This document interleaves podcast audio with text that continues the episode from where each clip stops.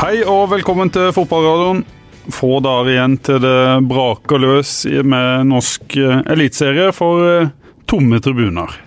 Ja, men allikevel. Eliteserien skal i gang. Det er jo fantastisk deilig. Premier League skal i gang. La Liga er vel for så vidt i gang. Bundesliga de har vært i gang i eh, ganske lang tid. Men Eliteserien er jo det feteste. Det er jo det mest morsomme. Det er det vi syns er aller gøyest. Og selv om det blir for tomme tribuner, så blir det jo bra kok. Det blir eh, veldig mange kamper på kort tid. Og så vil jeg jo tro at også publikum kan få lov til å entre arenaene om ikke altfor lang tid. Vi får se hvor mange som får lov til å komme inn. Men det finnes jo en god del klubber i Norge som kunne håndtert x antall mennesker på tribunen ganske greit. F.eks. Start. For Start har jo en eh, arena som er veldig, veldig stor. Og den har jo sånn sett opptrådt ganske covid-19-vennlig i flere år. Så, så det hadde sikkert også gått greit greit denne sesongen. Men jeg skjønner jo at uh, dette er fortsatt veldig strengt. Og så får de som bestemmer over dette, og som faktisk kan dette, komme med endringer når det er tid for det. I dag skal vi jo eh, selvfølgelig snakke om Eliteserien. Det blir en eh, slags Eliteserien spesial, der vi går gjennom laga. Litt gøyere enn i fjor. Da var KFM Oslo og Skeid og Ja, det var gøy, det òg. Ja, det er gøy, det, gøy det òg, men i år er det Men i år så skal vi da prøve å diskutere oss fram til en eliteserietabell. Mm. Alle egentlig har snakka med de siste ukene, sier jo én ting, at de aldri har følt seg så dårlig forberedt av disse journalistene og ekspertene, og også da folk som er ganske tett på klubbene. For det har jo vært en vanskelig oppkjøring å bli klok på. Mm. Veldig lite uh, treninger sammenlignet med hva vi normalt sett har. Treningskampene de har jo vært veldig blanda drops. Mange spillere der som har vært redde for å pådra seg skader. Det har vært uh, lag der som har måttet teste ut litt, men de har jo ikke så mange kamper å teste ut på. Uansett, tabell skal tippes, Eliteserien skal i gang, og da har vi selvfølgelig henta inn litt ekstra ekspertise, hvis det er lov å si. Jeg vet ikke hvor uh, mye eksperter vi er, Pål, men Steffen Stenersen der har vi en halvdagsmann. Hjertelig velkommen. Hyggelig å kunne hjelpe dere, gutta. Det skal vi, det skal vi klare. Det skal vi klare. Det skal vi klare. Det er greit å få litt Rosenborg-ekspert? Ja, ja, Han var jo veldig sterk på både Rosenborg og Ranheim i fjor. Ja, ja, ja. Ranheim rykka ned, men Rosenborg det har han stålkontroll på. Og så var jo du og så kampen i Sarpsborg, Steffen. Åssen er det å få lov å komme inn og se disse kampene? Det må jo være litt fett? Ja, det var, det var, litt sånn spesielt. Vi var På pressetribunen så satt vi, det var med og Jonas Berg Johnsen fra Eurosport, og så en fra Start. Og så var det oss. Det var det. Var på tribunen og bussjåføren ja, til start. Jeg fikk høre at jeg kunne ikke reise til, til Sarpsborg, for det var så vanvittig trykk da, på ja. folk som skulle inn. De hadde bare plass til ti pressefolk. Endte opp med tre. Hvem var det som ga deg beskjed om det? Var det Klausen? Eh, nei, det var vel eh, Roar eh, Johansen. Roar Johansen, ja. Tidligere ja. trener. Ja, de hadde mye fine folk i Sarpsborg. Roar Johansen. Og, og, de hører på oss, det vet vi. Det gjør de også. Trener uh, i sin tid for uh, meg, annet, på noe uh, landslag. Og, og, han hadde jeg mye moro med også når vi møtte hans lag. Og så Alexander Klausen, da, som er en fast lytter, veldig ivrig. De har vært flinke i Sarpsborg. De har jo på mange måter klart det jeg håper Start skal klare etter hvert. Mm. Sarpsborg har bygd opp et bra lag, de har vært flinke på spillerlogistikk. Og så har de fått med seg lokalmiljøet, masse folk på tribunen, med tanke på hvor mange det var der for 10-12-15 år siden. Så Sarpsborg har virkelig levert de siste årene. Det er en liten avis som følger de tykt og eh, tynt, og som er veldig på uh, Sarpsborg. Det kan vel ikke alltid sies om uh, oss, uh, Steffen? Nei, men sånn skal det vel heller ikke være. Så Dere får høre det motsatte, gjør dere ikke det? Ja, vi får i hvert fall ikke høre at vi er for positive. Det, ja. Jeg syns dere er flinke. Jeg synes ja. Dere dekker Start på en bra måte. Dere også. Ja, det er fint. Ja, det... Jeg skal si at det var veldig hyggelig å komme til Sarpsborg. Det var veldig hyggelige folk. Og så tenkte jeg jo kanskje at her blir det veldig strengt, og vi må følge de, og vi får kanskje snakka med en spiller hvis vi er heldige, men det var egentlig bare fri flyt. Eh, kom, gå inn her, og så bare sett deg opp, og der det er plass. Også. Hvordan blir det nå med, med Startgodset da på onsdag? Har dere fått noe informasjon om hvordan det blir? Vi har fått litt. Eh, det blir jo eh, ikke lov å gjøre alt vi har pleid å gjøre. Blant annet har NTF, norsk toppfotball, satt foten ned for livesendinger, i hvert fall foreløpig. Og så lurer vi litt på hvorfor vi ikke får lov å sende live, men det er noe med å ha kontroll og, og de tinga der som de er opptatt av. Og så blir det vel ikke så mange journalister som vanlig. Vi må kanskje begrense oss litt, så får vi se hvor mange vi får, eh, får inn. Men kamp, kampene skal vi i hvert fall få dekka på, på godt vis. Kampen i Sapta, Steffen. Skuffende? Det, du vet jo, det er aldri bra tegn når folk på Twitter blir litt sånn glad for at signalet til Feven går ned, at vi ikke fikk vise kampen. Det var jo litt sånn Det var det største høydepunktet. Det var på en måte det. Nei, det var jo Vi må jo bare si at det var bekmørkt for Starts del. Uh, første kvarteret var ok. Da var man, uh, hadde man litt ball og kontrollert, men så var det rett og slett overkjøring. Og det var rett og slett bare at Sarpsborg var mye bedre i alle spillets uh, faser. Duellspill alt mulig. Start tapte på alt, spesielt i den halvtimen ja, fram til pause. Så var det, var det svarte natta, men det var, skal sies at Sarpsborg var imponerende. De tror jeg blir bra. Ja, vi, vi, vi, kan liksom ikke grave oss for mye ned i, i den kampen heller. Nei, men det er, jo, det er veldig dumt at den kommer på det tidspunktet ja, det er jo det. gjør. For det du ser jo hvordan statssupporterne reagerer. Ok, å, samme lekse ja, ja. Jeg, jeg så Jims, Jims måtte ha seg en halvliter der, midt i kampen. ja. Såpass ille var det. Men så er det jo sånn at uh, nå skal du jo ikke selge sesongkort og de tinga der, så, så, kanskje det ikke får så dårlig effekt som det kanskje kunne da, hvis det var covid. Uh, ja, men En ting er jo effekten, noe annet er jo at det er ei uke til seriestart. Ja. Og, og, det er jo ikke sånn at uh, lagene går på uh, andre eller tredje gir nå. Nå begynner de å komme seg opp i fjerde, femte, etter hvert også kanskje sjette, for de som har, som har det på bilen. Og Spørsmålet om det er derfor Start uh, røyk så skikkelig nå, fordi de endelig fikk seg en ordentlig Ja, Det er det store spørsmålet. Ja, Hvor gode er dette startlaget i Eliteserien? Mm. I Obos-ligaen så var de for så vidt uh, gode, men de var varierende der også. Der gikk de også på et par veldig stygge smeller på bortebane uten Damien Love. Damien Love er ikke i Kristiansand lenger, og noen er sikkert glad for det, men han, han var i fall en viktig spiller for Start i det midtforsvaret. Han er jo ikke erstatta på noe som helst vis, så Start er jo veldig svekka i midtforsvaret. Der eh, har man et stort spørsmålstegn. Aremu ute nå. Ekstremt viktig på den sentrale midtbanen. Ingen av de andre som eh, Start har i Sinsdal, har jo akkurat hans ferdigheter. Så håper jeg at Skjolse kommer seg i kampform rimelig kjapt. For mm. med Skjolse og Aremu da har du iallfall ei solid blokk der med litt forskjellige ferdigheter som jeg tror kommer til å fungere fint. Men det er Midtforsvaret og måten Start forsvarte seg på. Ja, det var også noen fra Start som mente at eh, de hang sånn tålelig greit med, men du slipper inn fire. Og det kunne også vært flere. Og Sarpsborg. Det er jo ikke sånn at de leverte sitt livskamp, de heller. De også har sikkert mer å gå på. De tok foten av pedalen eh, med en halvtime igjen å spille. Ja, ja. Det var litt som tillot at Start fikk komme litt inn i kampen. Du kan ikke trekke frem positive ting fra den siste halvtimen av kampen. Det blir for dumt. Da skjønner alle at eh, Og det så vi som så kampen nå, at da gikk det jo i sniletempo utpå der. Da hadde Sarpsborg eh, fått den kampen de skulle, og starten vunnet opplevelsen. Og det som skjedde siste halvtimen, har vel sånn sett veldig lite å si. Var det noen spillere som uh, du syns sto fram? Jesper Dalan, ja. Jesper Dalan, jo ja. Det Må, vi si. han eh, kommer inn og forandrer litt der og får litt mer uh, orden på, på, Forsvaret Han ser jo bare bedre og bedre ut for hver dag som går. Han har du intervjua i dag? Han rett, kommer rett derfra nå og har snakka med det som er vårens store stjerneskudd i start. Vi finner jo alltid én som vi skal det. trekke fram, det, men nå mener jeg at vi har bedre grunn enn på ganske mange år altså på å trekke fram Jesper Dalan, som har sett uh, ja, Per nå så ser han ut som en av Starts viktigste spillere, rett og slett, sånn som han har uh, sett ut. Og så er han jo ung, han har ikke spilt en eneste eliteseriekamp. Men uh, Har ikke spilt en eneste Obos. Uh, ikke det heller. og det har vi jo vist. Hvordan er han sånn type, da, intervjuet? Han er, han er, han er litt sånn uh, tilbaketrukken. sånn... Beskjeden? Litt beskjeden sånn i starten. Men gi en litt tid, blir litt varm i trøya, så tror jeg at vi har en, ikke bare en veldig god spiller, men også en profil som kan bli bra for publikum. Ikke helt Jesper Mathisen, men ja, ja.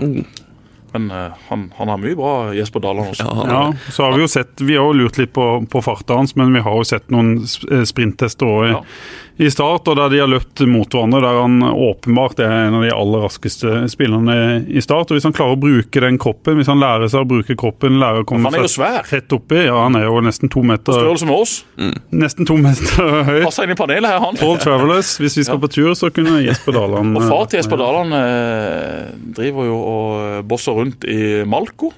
Ja. ja. Tidligere eliteseriespiller i håndball, landslagsspiller i håndball, Morten uh, Daland, som er pappaen til, til Jesper. Onkel Espen Skistad, som uh, spilte U20-VM for, for, Norge en gang i tida. Så han har jo litt å, å eh, slekte på. Har vært et veldig stort talent sammen med Tobias Christensen. Reiste til, til Stabæk tidlig. og og tok litt tid før han øh, fant ut av det. Men han det er jo litt også? Ja. Ja. Er det ny Sergio Ramos vi har øh, på vei her? Ja, skal ikke se bort fra Han er i hvert fall en sånn veldig sånn naturlig selvtillit på, på banen. og Si at han er ikke redd for å for å liksom komme han inn må og ta ta plass. ansvar. Ja, Han er en av de som virkelig må ta må ta nivået. Nettopp. Med all respekt for de andre stoppalternativene i Start akkurat nå, men de ser ikke så himla spreke ut. Jesper Daland kan fort bli den viktigste brikken i Start sitt midtforsvar. Mm. Glem hvor ung han er. Glem at han ikke har spilt på dette nivået før. Hvis han har hatt utvikling han har jo spilt masse landskamper, i alle fall, som er viktige. Mm. Og han har hatt uh, en fin arena å lære i, både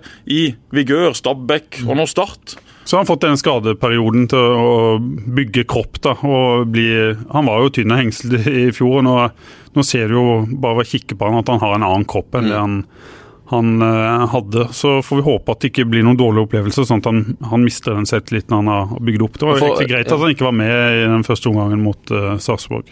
Så får litt sånn, litt sånn Ayer-feeling også, uten sammenligning for øvrig, men at han er en sånn type som går inn og tar det nivået han spiller på. da. Hvis han nå får ti eliteseriekamper, så er han Ja. på eliteserienivå. Ja. Akkurat som du har sett at han bare har blitt mye bedre og bedre utover den lille våren han har fått sjansen nå.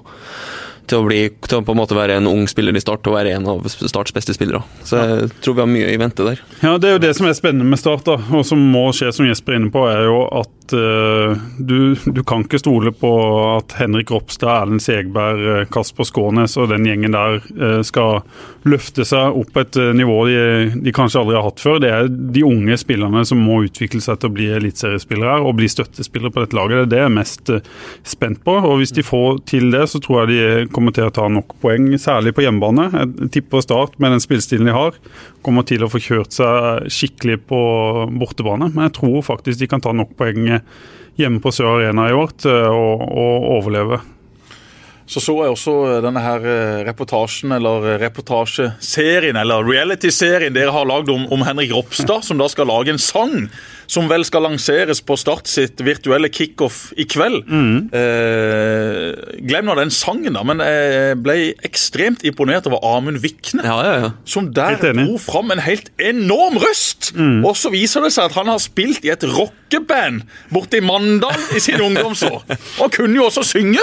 Han var jo helt popstjerne. Gikk jo Bernt Hulskerbein en høy gang på det jeg så av leveranser i denne videoen. Så det var godt funnet fram. Var det Jim Rune som har leita i arkivet, eller fått Det det tilsendt? det var faktisk jeg som det eh, fant det på en sånn eh, hjemmeside til Ungdommens kulturmønstring i, i Mandal. Så Han hadde liksom stylen. ja, han hadde det. Så Amund Det lover godt. han kan mer enn å, å stå i mål. Ja, det er viktig.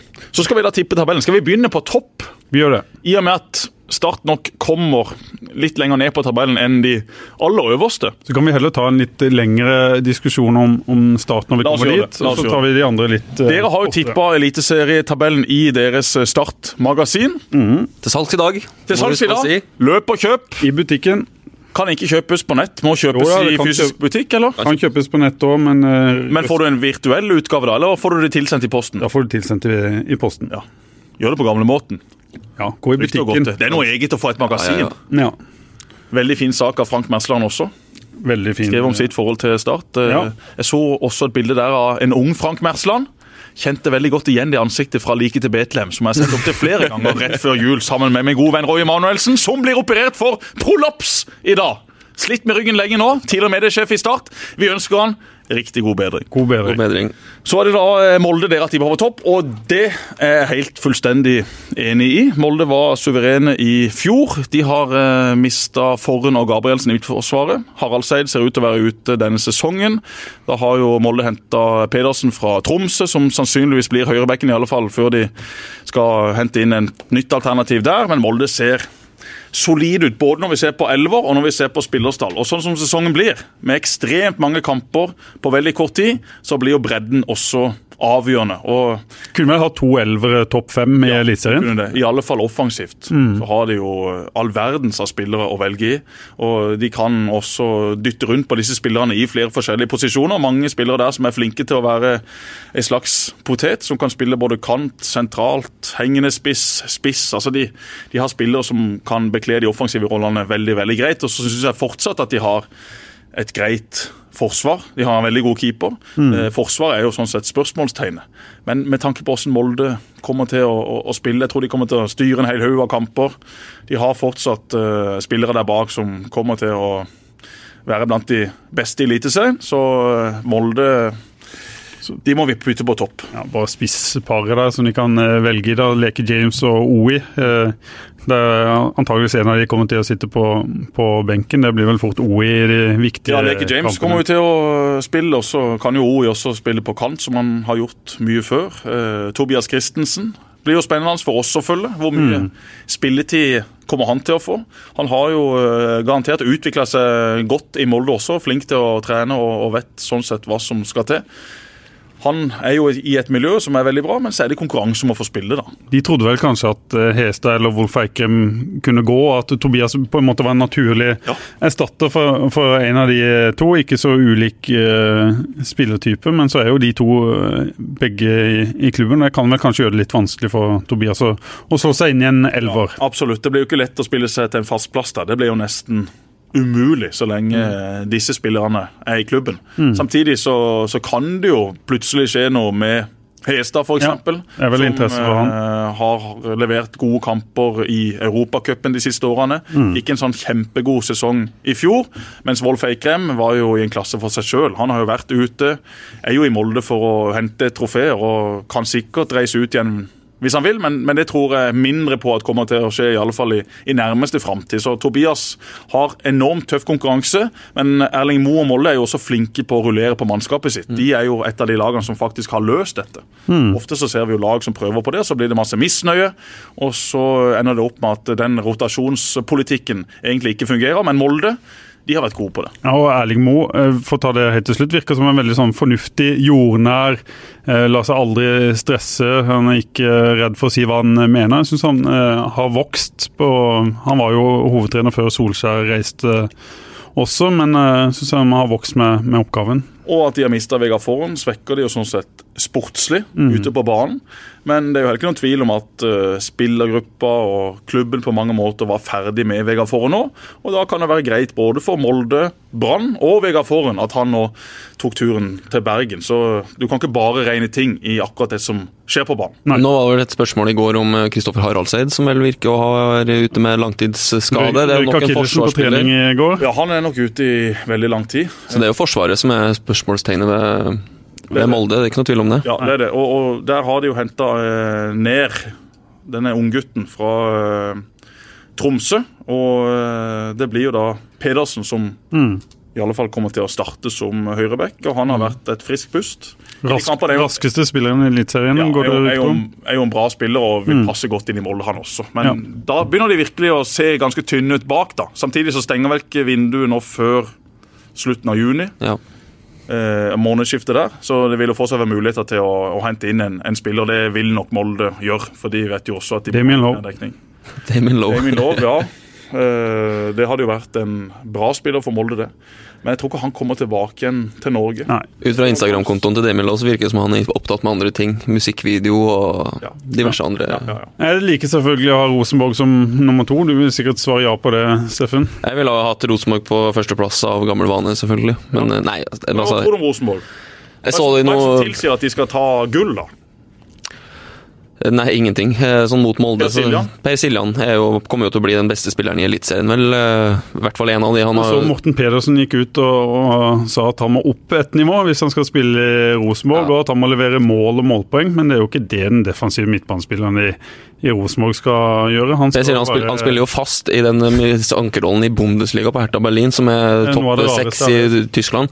Han kommer jo til å få mye bedre tid i norske eliteserien, og da kommer han også til å ha tid til å kunne strø disse pasningene som han ikke er kjent for, men han har en god Han er jo i kjempeform. Jeg har Han sett er i noen kamper kjempeform. med, med Han er i Hertha. og- og- Han kommer ikke hjem for å legge seg død, i hvert fall. Nei, han er bare 33 år. ja. Han har mange gode år foran seg, har vært flink til å ta vare på kroppen sin hele sin karriere, og, og har jo også en kropp som bør kunne holde de beina i gang i, i ganske mange år til. Og han kommer ikke hjem for å ta sølv bak Molde, han kommer hjem for å vinne. Så helt enig med deg, Steffen. Per Siljan er jo den den største signeringa i norsk fotball eh, denne sesongen. Og så har de også fått på plass Zakariassen, som vil gjøre indreløperne til Rosenborg markant bedre. Må jo passe perfekt inn i den rollen. Islamovic på topp. Erstatter sånn sett Søderlund og Bentner. Men nå går det rykter nå så om at Børven er på vei til, til Rosenborg. Ja, Islamovic har de ikke vært helt fornøyd med. De syns han mangler litt. De håpte at han var bedre enn det han faktisk er, så, så de er ute og prøver å finne seg en ny spiss. Børven, ja, en makssesong i fjor fra han i Skien. Fantastisk å skåre så ja, mange mål for klassisk Rosenborg-spiller, Børven, da, som vil komme til mange sjanser. Og vi vet jo at han har en effektivitet som veldig få er i nærheten av i, i norsk uh, fotball. Så Ja, med det er en signering. at- Benro til, til venstre og en frisk Helland til høyre. Men der er spørsmålet, der er jo spørsmålet eh, sp Det store spørsmålstegnet til Rosenborg er jo de to kantspillerne som de siste åra har vært veldig mye skada, begge to. Og også i vinter. Nå har de vært ute hver sin periode rett før seriestart. Og jeg tror ikke Seid og hvem skal spille høyrekant hvis eh, Helland ikke er der? De har, de har noen alternativer på, på kant som ikke er i nærheten av de to som kanskje er de to beste kantspillerne i Eliteserien når det er i form. Det er der jeg syns uh, Rosenborg taper for Molde. Mm. Det er når du ser bak de elleve beste. Tar du elver mot elver, så vil jeg si at det er hipp som happ. Rosenborg har uh, den beste keeperen. Mm. De har et rutinert stopperpar. Nå mister de jo Meling, det er jo en klar svekkelse. Det, er også, det må vi ikke glemme. Tronsen skal spille back, men Meling har jo vært kanskje Rosenborgs beste utespiller Mm. eh, det, det siste året. En av de få som faktisk har levert gode kamper, selv om laget virkelig har slitt. Så blir det Lundemo i den defensive midtbanerollen fram til Per Siljan er klar og kommer hjem fra Tyskland. Det, det skjer om ikke altfor lang tid. Men Rosenborg har ikke den samme bredden i stallen sin som det Molde har. Og derfor tror jeg at uh, over 30 kamper i en såpass intens sesong, så kommer de eh, noen poeng bak. Jeg tror det blir tettere enn i fjor. Det må det jo bli. Hvis ikke så er ikke Horneland trener der oppe i 2021. Han er nødt til å i hvert fall minske det gapet med ganske mange poeng. For eh, Rosenborg kan ikke være bekjent av å egentlig være ute av gullkampen før sesongen er i gang. Sånn var det jo sist sesong. Sånn kan det ikke bli i år, hvis Horneland skal få lov til å fortsette på Lerkendal. Det er mange spørsmålstegn med Rosenborg-stallen. Jeg syns Bekkan er et klart eh, svakhetstegn med når Meling, for Meling forsvinner nå. Anders Thonsen har klart seg ok, han, men Reitan på andre bekk. Reitan på, eh, nei, på andre bekken så er det Reitan eller Egen Hedenstad. Begge to er jo på en måte gode eliteseriebekker, men det er jo ikke topp, topp klasse, syns jeg. Eh, Så har de et godt stoppepar, som du sier, men blir enten Hovland eller eh, Valsvik. eh, Valsvik, selvfølgelig, har de. Og så har de Reginussen, som er eliteseriens kanskje beste. Og så så jeg Rosenborg mot Ranheim nå, og da så jeg Islamovic. Han så jo så langt unna det nivået en Rosenborg-spiss skal ha. Han så tung ut, han så, var ikke i nærheten av noe som helst. sant? Så kan man si at han er avhengig av å bli fora, men Så skårer han hat trick i serieåpninga. er kan selvfølgelig være. Kan glemt. selvfølgelig være. Da er det glemt. Ja. Da glemt. Og så blir man vinner på det igjen. Ja, ja, ja, ja. Sånn vil det svinge også i år! Men det er mye spennende i Rosenborg, da, med Tang Tagseth er jo bak der, og har en spiller, spiller som. Horneland har veldig troa på. Eh, Han er Carlo Holse, vet vi jo lite om, som har kommet fra, fra dansk fotball. Eh, Han sier de har noe ved seg, Ja. eh, og han har jo blitt henta for ganske mange kronasjer, så, så det vil jo være en forventning om at han skal spille. Men det er jo ikke så lett å spille seg inn på disse plassene offensivt, da, så lenge disse gutta er friske. Hornland må jo også prøve å rullere litt på sitt mannskap, men da blir Rosenborg i mine øyne markant dårligere enn det Molde blir. Når uh, Molde kan uh, bytte leke med OI, og Rosenborg kommer med Islamovic, og så er det da Botheim som er, som er valg nummer to. Det er ikke den samme klassen over de offensive alternativene i Trondheim som det det er i Molde. Iallfall ikke foreløpig. og et problem Jeg bare nevner Vi kan ikke snakke for mye om Ja, Vi kan godt ta bare en time til om Rosenborg nå. Bare, bare en spiller som jeg har litt sånn softspot for, er jo Gjermund Aasen. Han passer jo ikke inn Nei, i noen av disse posisjonene. Jeg tenker at Horneland må prøve å få inn han i dette laget på et eller annet måte, for hvis du får Gjermund Aasen ut i full blomst, så har du en veldig, veldig god spiller. Ja, det passa i Hornlands forrige system, men eh, kanskje ikke så godt i, i 4-3-3, nei. Mm. Og så har jo vi da Nå begynner jo diskusjonen. Nå kommer det et kobbel av, av lag som kan ta medalje. Det var jo Glimt som eh, tok bronsen i fjor. Der kan jo hvem som helst nærmest eh, komme. Ja, det er veldig vanskelig eh, å plassere lag. eh, Vi har satt Vålerenga der, da. Ja, det, Ja. det går jeg ikke med på. Nei. Der uh, tror jeg at uh, dere er litt for optimistiske på Vålerengas vegne. Vålerenga med Fagermo uh, håper jeg kommer til å fungere. Jeg tror også det kommer til å fungere, men de kom på tiendeplass i fjor. De har en bra elver, men igjen da, bredden i de sitt lag er ganske tynn, og de har også et par spørsmålstegn med, med sitt lag. En, Jeg syns de har OK bredde i stallen, jeg, da. ja, jeg synes, altså, Hvis du tar eh, forsvaret ditt, da, så har du eh, Toller som eh, må spille. Han er eh, den beste stopperen, han er sjefen, han er sannsynligvis også da kapteinen. Eh, ved siden av han så blir det Bjørdal eller Nesberg. Bjørdal som har jo vært en, eh, en solid eliteseriestopper i alle sine år. Nesberg eh, har som regel eh, i en god del av de kampene han har spilt. Ja, han har tatt steg. Og så er spørsmålet hva med når alvoret begynner?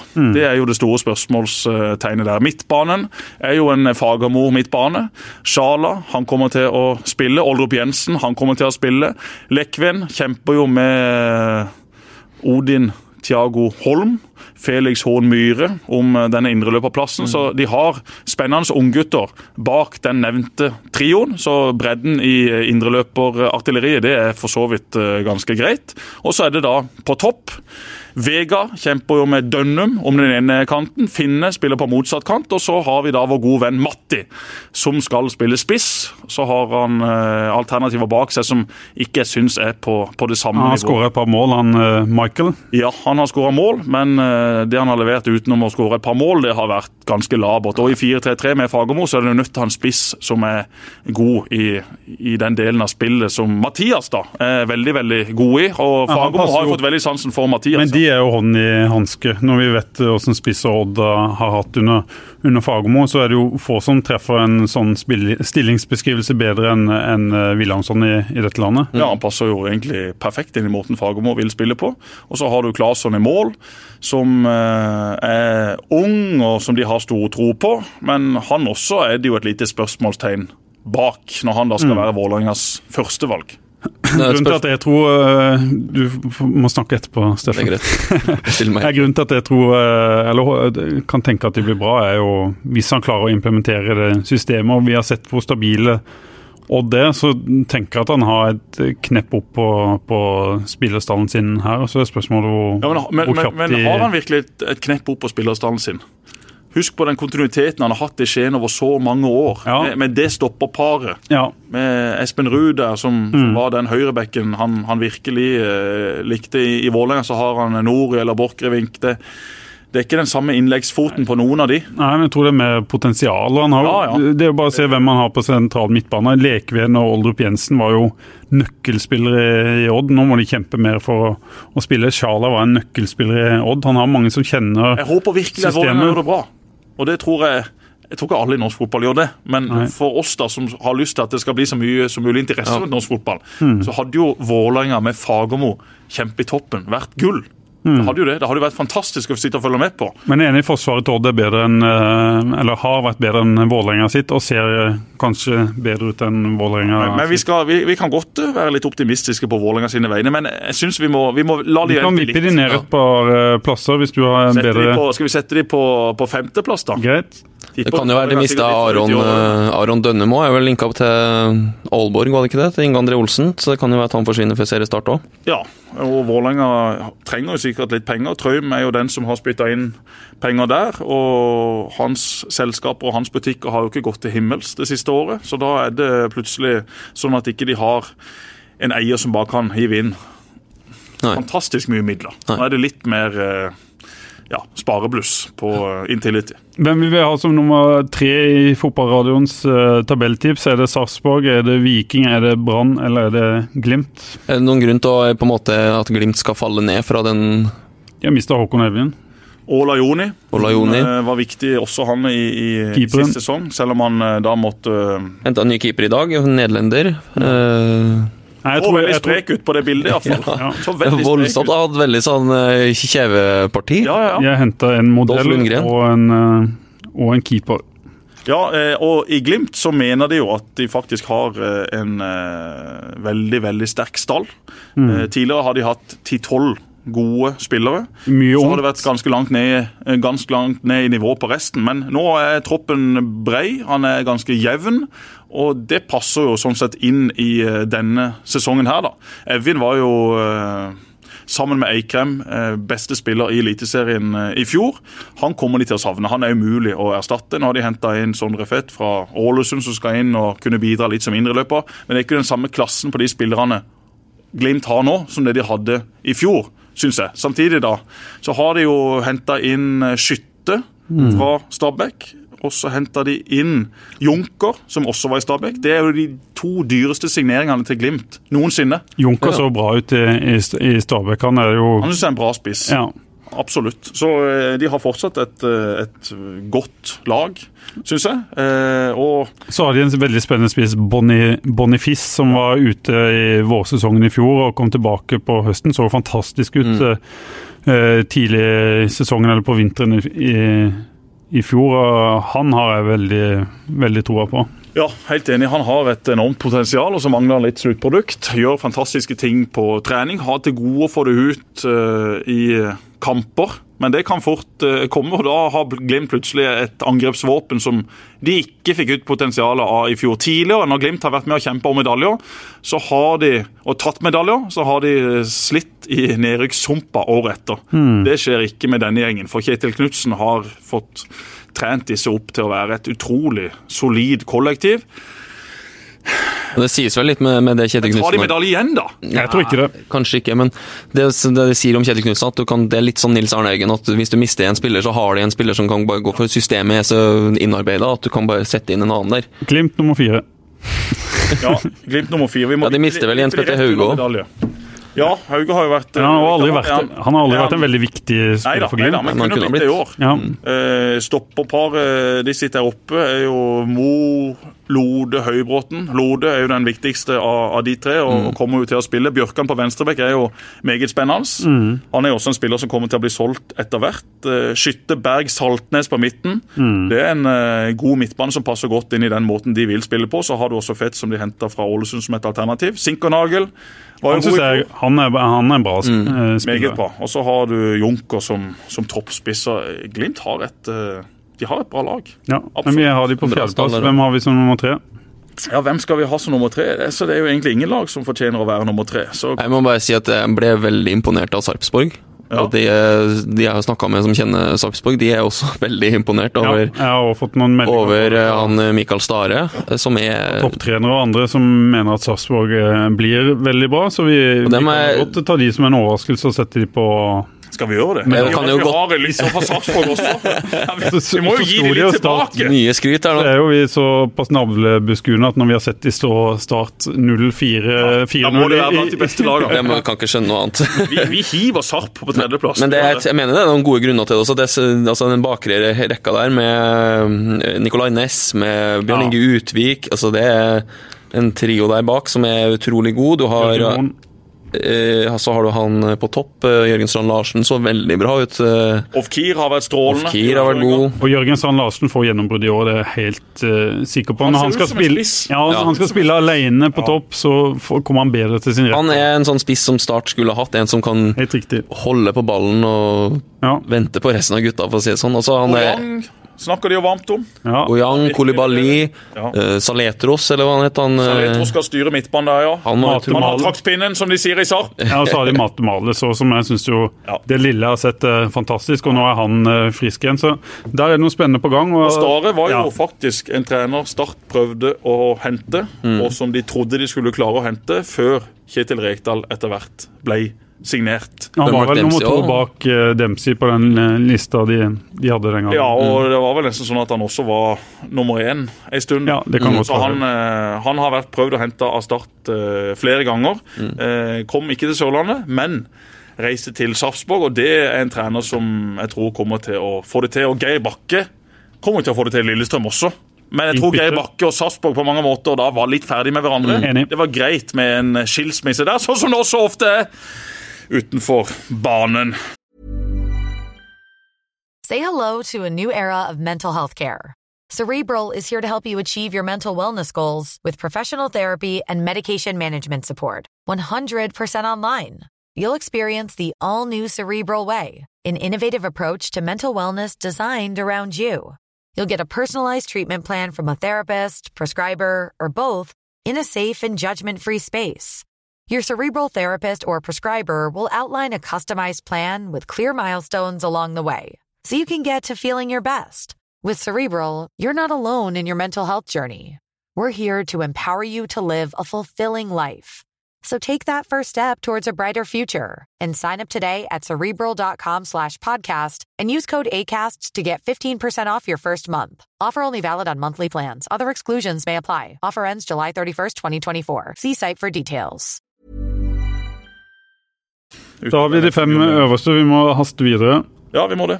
Vi må videre til lag nummer seks. Eh, Jeg er jo litt eh, mer positiv på Brann sine vegne etter at de henta Ahamada, som er en eh, meget god keeper. Det er ikke mange keepere i Eliteserien som er bedre enn han. Kanskje bare André Hansen, som, et, som har det samme toppnivået. Og så har du eh, Men er ikke han veldig variabel, eller at han kan gjøre noe sånn voldsomme jo, og Det er jo det sånn sett folk husker, og, og det Ja. forstår jeg jo. Spesielt når eh, vi har sett nøye på Start sine kamper fra i fjor, hvor Aron Sigurdarsson bare la baller i mål. Han har 45 enorme redninger. Da. Han kan jo være nede i hjørnet der for, på avslutninger fra, fra fem meter. Har en enorm rekkevidde. Ja, og så er det jo sånn med han som keeper, eller en stopper da, som kanskje kan spille med litt mye risiko. Ja, du husker jo de gangene han mislykkes, men han har jo også tjent på å spille på denne måten. Vært ute og plukka mange baller som har blitt spilt i bakrom, ute i feltet osv. Og så har jo alle sagt før han eh, drev med det han gjorde i fjor, der det var litt opp og ned i feltarbeidet, at han er jo fantastisk i feltarbeidet. At han eh, den sesongen han hadde, hadde før der, var han jo helt King Kong og, og plukka jo omtrent eh, alle innlegg og hadde en utrolig timing. da, så så er det jo som du sier at en husker de tablene han har gjort og tenker at han er dårlig i feltet, men, men det var jo ja, en av hans store styrker. Jeg skulle snakke om Ahamada på eh, Sportsnyhetene her en, eh, en kveld. Svein Flagestad kom ikke kjørende på en Segway, men med en svær varebil oppe og filma meg litt der. Og da sjekka jeg med Espen Nystuen eh, før jeg skulle avlegge mine ord i kamera. Og jeg har jo snakka mye med Nystuen eh, før om Kongsvinger da, og om Ahamada, og han sa det bare en gang til. at eh, du finner nesten ikke keeper i Norge som har det samme toppnivå. Og så vil folk huske at han har gjort noen feil, men det kommer som et resultat at han spiller med stor risiko. Han fyker ut og burde ikke spilt i Norge. Nystuen henta vel han fordi at det var noe krøll med kontrakten i Tyrkia. Jeg tror ikke han fikk lønn, eller et eller annet. Og da kom han på en eller annen liste, eller da fikk Kongsvinger mulighet til å hente han gratis. Og så er jo han egentlig bare i Norge nå for å vente til det kommer en ny utenlandsk klubb. Han er ikke så gammel. Nei, og så har han bare skrevet kontrakt eh, ut eh, denne sesongen. Skrev jo ikke noe lang kontrakt med Brann. De henta jo han uh, Ralf Farman, eller hva han heter. Beste Han fikk ikke spilt ett minutt. som aldri har spilt i, i serien. Hvor gammel er han, Steffen? Fant du datoen? 28? 28, ja, men det er jo ungt for en keeper. Kan jo spille både i 10 og 12 år til. Ja, ja. Ja. Og så har jo Lars Arne Nilsen vært på jakt etter en sånn keeper siden Zain Radlinger dro. At en keeper som kan faktisk gjøre, sette i gang angrep med beina, slik de gjorde i den Absolutt. sesongen de tok uh, sølv, vel. Så har de fått inn Forren, som også vil være en bra signering for Brann. De trengte inn en eh, sjef i midtforsvar. Nå har de Kolskogen, som er ekstremt rask. Så har de Acosta, som er ekstremt eh, sterk, og som ikke alltid ser like rask og sprek ut etter en sånn en lang, lang pause. Men han kommer til å komme seg i slag. Glad i å løfte vekter, litt for glad i å løfte vekter, men han kommer i fotballtrening og spiller kamper. Så vil et par av disse muskelkiloene forsvinne, og så blir han sprek og fin igjen. Så nå syns jeg de egentlig de har grei dekning i midtforsvaret. Det samme har de egentlig på bekkene. De har eh, godeste eh, Rolandsson, som nok blir førstevalget i den første kampen. Teniste har slitt litt med skade, og Tveita er akkurat tilbake i trening. I venstrebekken der har de både Grøger og Kristiansen. På midtbanen der har de jo henta han eh, dansken fra Lillestrøm. Daniel Pedersen. Pedersen. Ja. Han er jo bra. Han kommer til å kanskje få folk til å glemme Sivert Heltene Nilsen. Og har vel vært, har vel vært ganske god i treningskampene nå, Ja, det. ja. Fra, En fi, fin eh, fotballspiller som har de Så har du Barmen. Haugen, Strand som alternativer på indreløperplassen. Strand er jo Strand Han spilte jo knapt i, i fjor, en viktig spiller for Brann. En god Komsson har plutselig sett bra ut igjen. Bamba han er jo nødt til å levere. Og så har du da Taylor ute på, på venstrekanten. Så Brann har et uh, godt nok lag til å i alle fall være nummer seks på vår tabell, syns jeg. Ja, helt enig. Men uh, spørsmålet er jo uh, spillergruppas forhold til Lars Arne Nilsen og det bråket som var i fjor. Så får vi se om det, det blir et eh, tema igjen. Robert Hauge kunne fikse opp i. Inn der som en liten megler. Innimellom eh, de to eh, skyttergravene. ja, Hadde det vært helt fullstendig krise, så tror jeg ikke Lars Arne Nilsen hadde vært trener. nei. Det har vært misnøye, det er det jo ingen som helst tvil om. Og så er det sikkert blåst litt opp fra enkelte.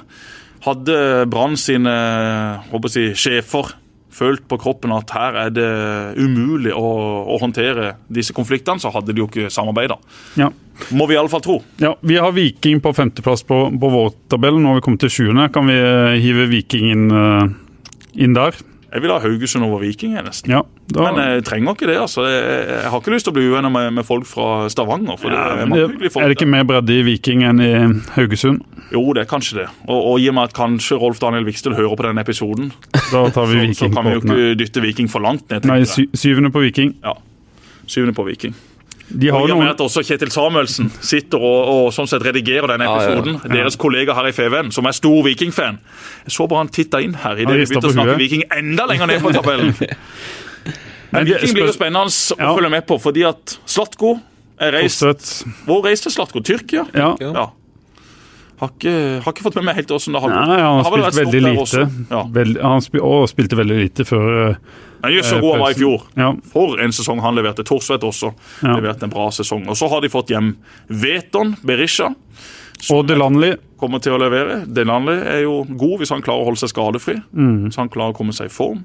Så Viking og Bjarne Berntsen har jo fortsatt et eh, spennende Ja, mannskap. B-laget til Viking slo Sandnes Ulf 5-0. Ja, men Sandnes Ulf er jo C-laget til Viking. Ja. De er jo på et nivå lavere. Og husk på at også Obos-lagene har jo sånn sett begynt Men B-laget til Start hadde ikke slått uh, Sandnes Ulf. Nei, men B-laget til TV 2 de hadde knust Sandnes. De hadde nok det, med han straffeskytteren dere har der. Ja, han er sterk. han er sterk.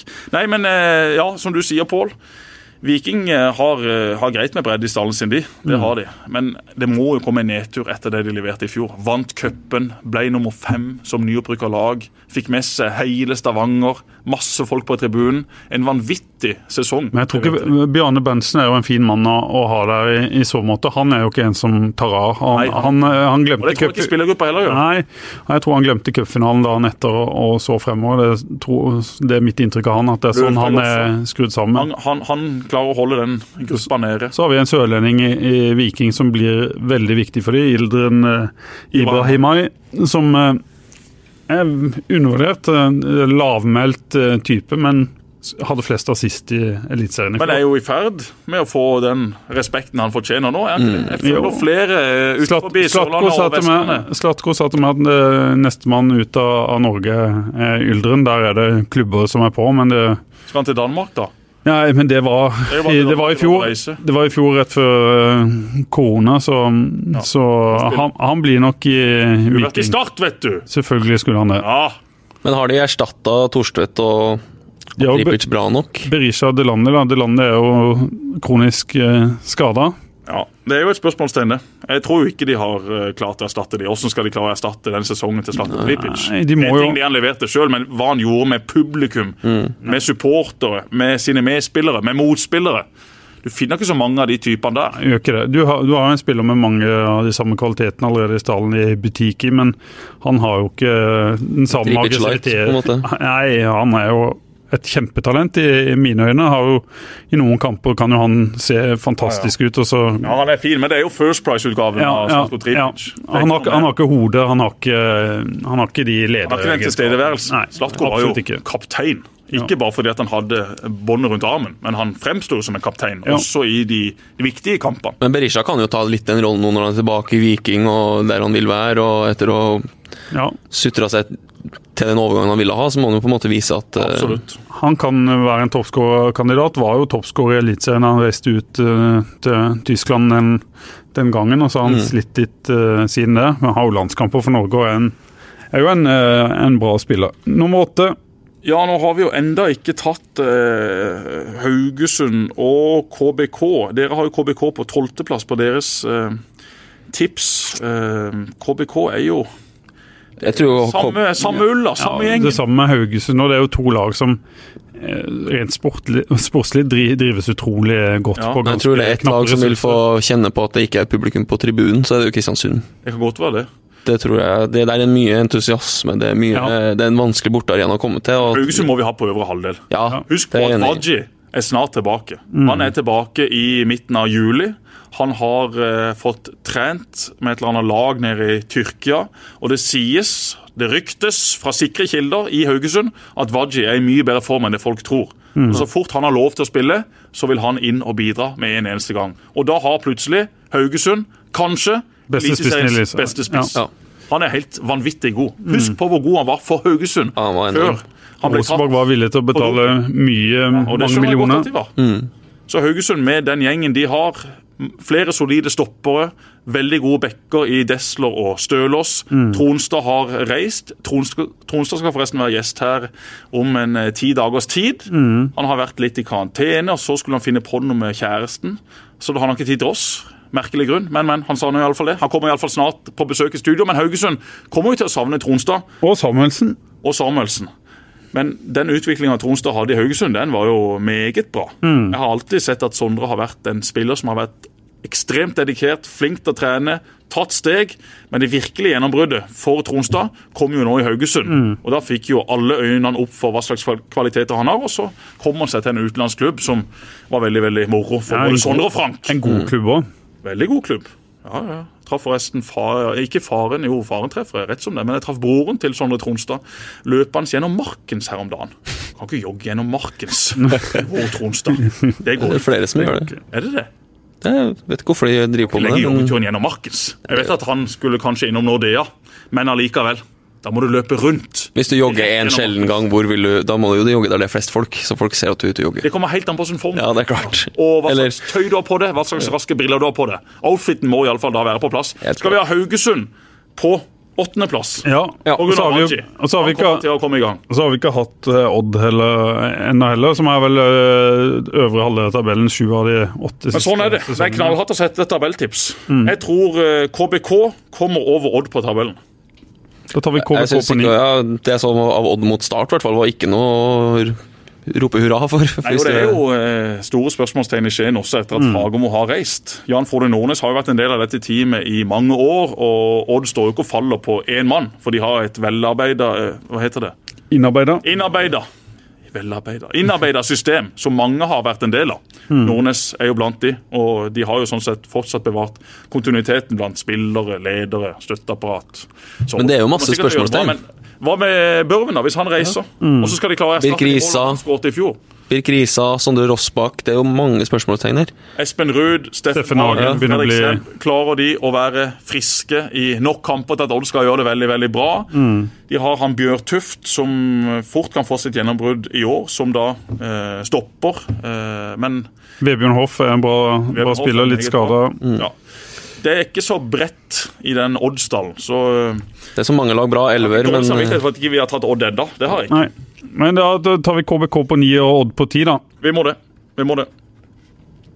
Du si litt om KBK. Du var så har vi vel ikke hatt ennå. De hadde jo en eh, bra utvikling i Nærmer seg godset nå. Nærmer seg godset nå. Men vi har jo glemt et lag som jeg tror kommer høyere enn alle disse, da. Ja, hvem da? Stabæk. Stabæk, ja. Ja. Ja. Ja, altså vi, vi får litt eh, trøbbel med en del lag her nå, ser jeg. Men sånn er det. Sånn Nei, er det. det er ikke lov å angre. Det er ikke lov å angre. Nei. Nei, men eh, Vi har jo Stabæk langt ned på nedre halvdel i, i vårt eh, tips, men jeg tror at den klubben er på vei mot et eller annet eh, nå, med sin eh, filosofi. og Så spørs det om, Hvem skal om det ja. er for tidlig. da. Hvem skal skåre målene til Stabæk? Ja, han Japaneren, det. Ja, han får jo ikke veldig mye skryt fra de eh, Nei, det, det kan godt hende. Stabæk, tror jeg. Og de har jo eh, en, et klart tyngdepunkt i kvalitet på midtbanen, mm. Stabæk. Så, så, og de er fortsatt eh, unge, så vi kan ha de lenger nede. Men, Men eh, de eh, bakerste spillerne til Stabæk er jo meget bra. Sandberg i mål, klassekeeper. Sto noen fantastiske kamper eh, i fjor. Eh, bak han er det ganske tynt, så han må holde seg frisk. Så har de et solid uh, stopperpar i Avankwa og Hank Olsen, som nå skrev ny kontrakt, og som kommer til å bli solgt for godt med kroner, han også, etter hvert. Så er det midtbanen, som er blant de bedre i Eliteserien. Ja. Lumansa, Lukassi og Emil Bohin. Den midtbanen der Hugo Vetlesen er jo jeg veldig svak for. Hugo Vettlesen kommer til å få lov til å spille mye, men i en toppa elver så er det kanskje ikke plass til Hugo Vettelsen. Iallfall på den midtbanen. Kan jo spille innoverkant også. Eh, Men akkurat Spilte indreløper i, i generalprøven og har vært eh, meget eh, frisk i, i vinter. Skåra mye mål. Ja. Var involvert i, i begge målene sist. på, på midtbanen, men Ja. akkurat framme der syns jeg de ser litt Synes de ser litt Ja. tynne ut. Ja. Det er spørsmålstegnet. Så eh, Det kan bli alt eller ingenting. Jeg tenker litt eh, Janne Jønsson er jo en eh, nøkkelfigur i dette laget.